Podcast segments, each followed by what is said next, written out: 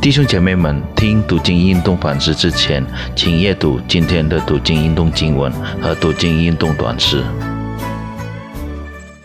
主所爱的弟兄姐妹们平安，非常高兴今天又有机会与大家分享神的话语。还没有反思之前，我们先祷告。主啊，我们感谢你不断的看顾。并保守我们，主啊，我们要打开我们的心，来聆听你的话语，来反思。求主带领这个时刻，我们祷告祈求，奉靠主耶稣的名，阿门。今天我们要一起反思的主题是上帝的审判。经文起自于约伯记书二十章。我们读第一到第九节。拿马人说法回答说：“我心中急躁，所以我的思念叫我回答。我已听见那羞辱我、只背我的话，我的悟性叫我回答。你岂不知亘古以来，自从人生在地？”恶人夸胜是暂时的，不尽全人的喜乐，不过转眼之间吗？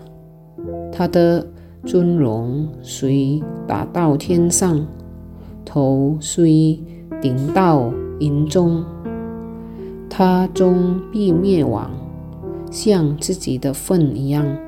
素来见他的人要说。他在哪里呢？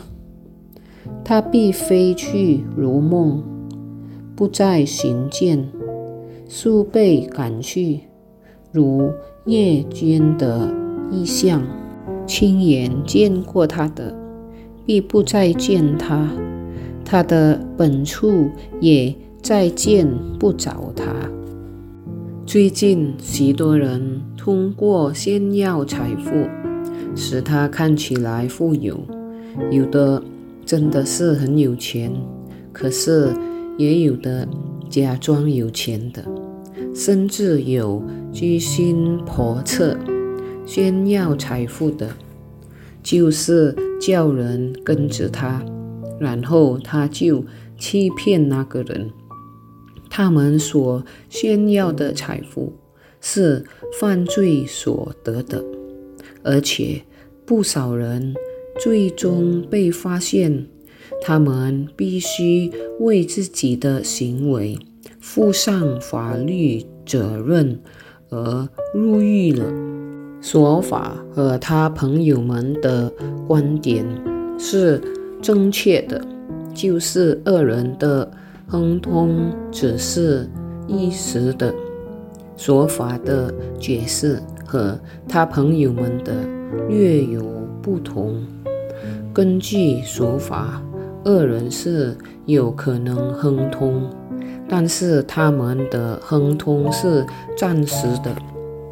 恶行所得的，一开始感觉甘甜，但最终会带来痛苦。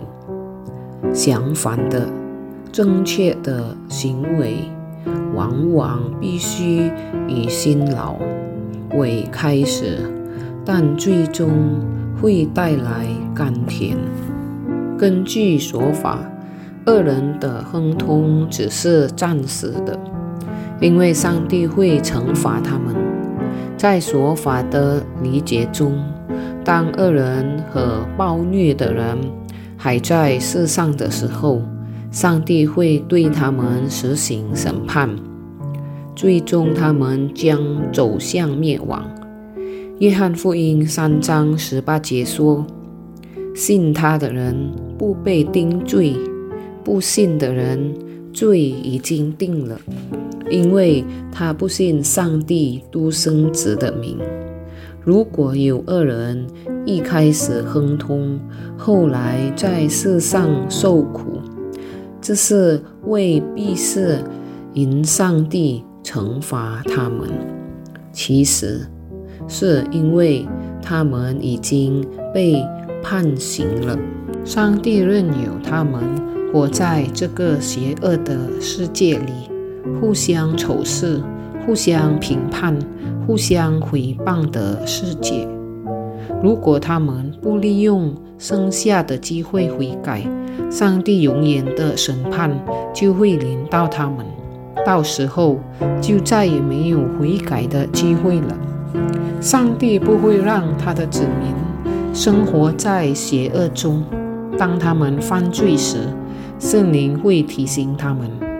如果他们的罪行没有被揭露，并不意味着上帝不知道，而是上帝给他们悔改的机会，不至于蒙羞。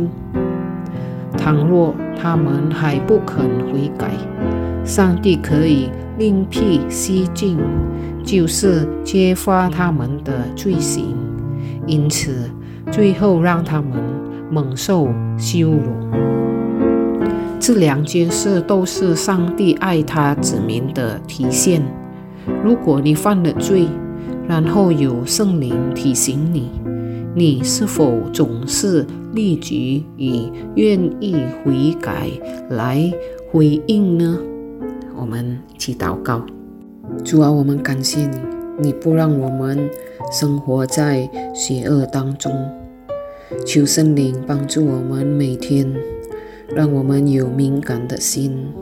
如果我们犯罪时，求圣灵提醒、帮助我们更改。谢谢主耶稣，我们将祷告奉告主耶稣的名，阿门。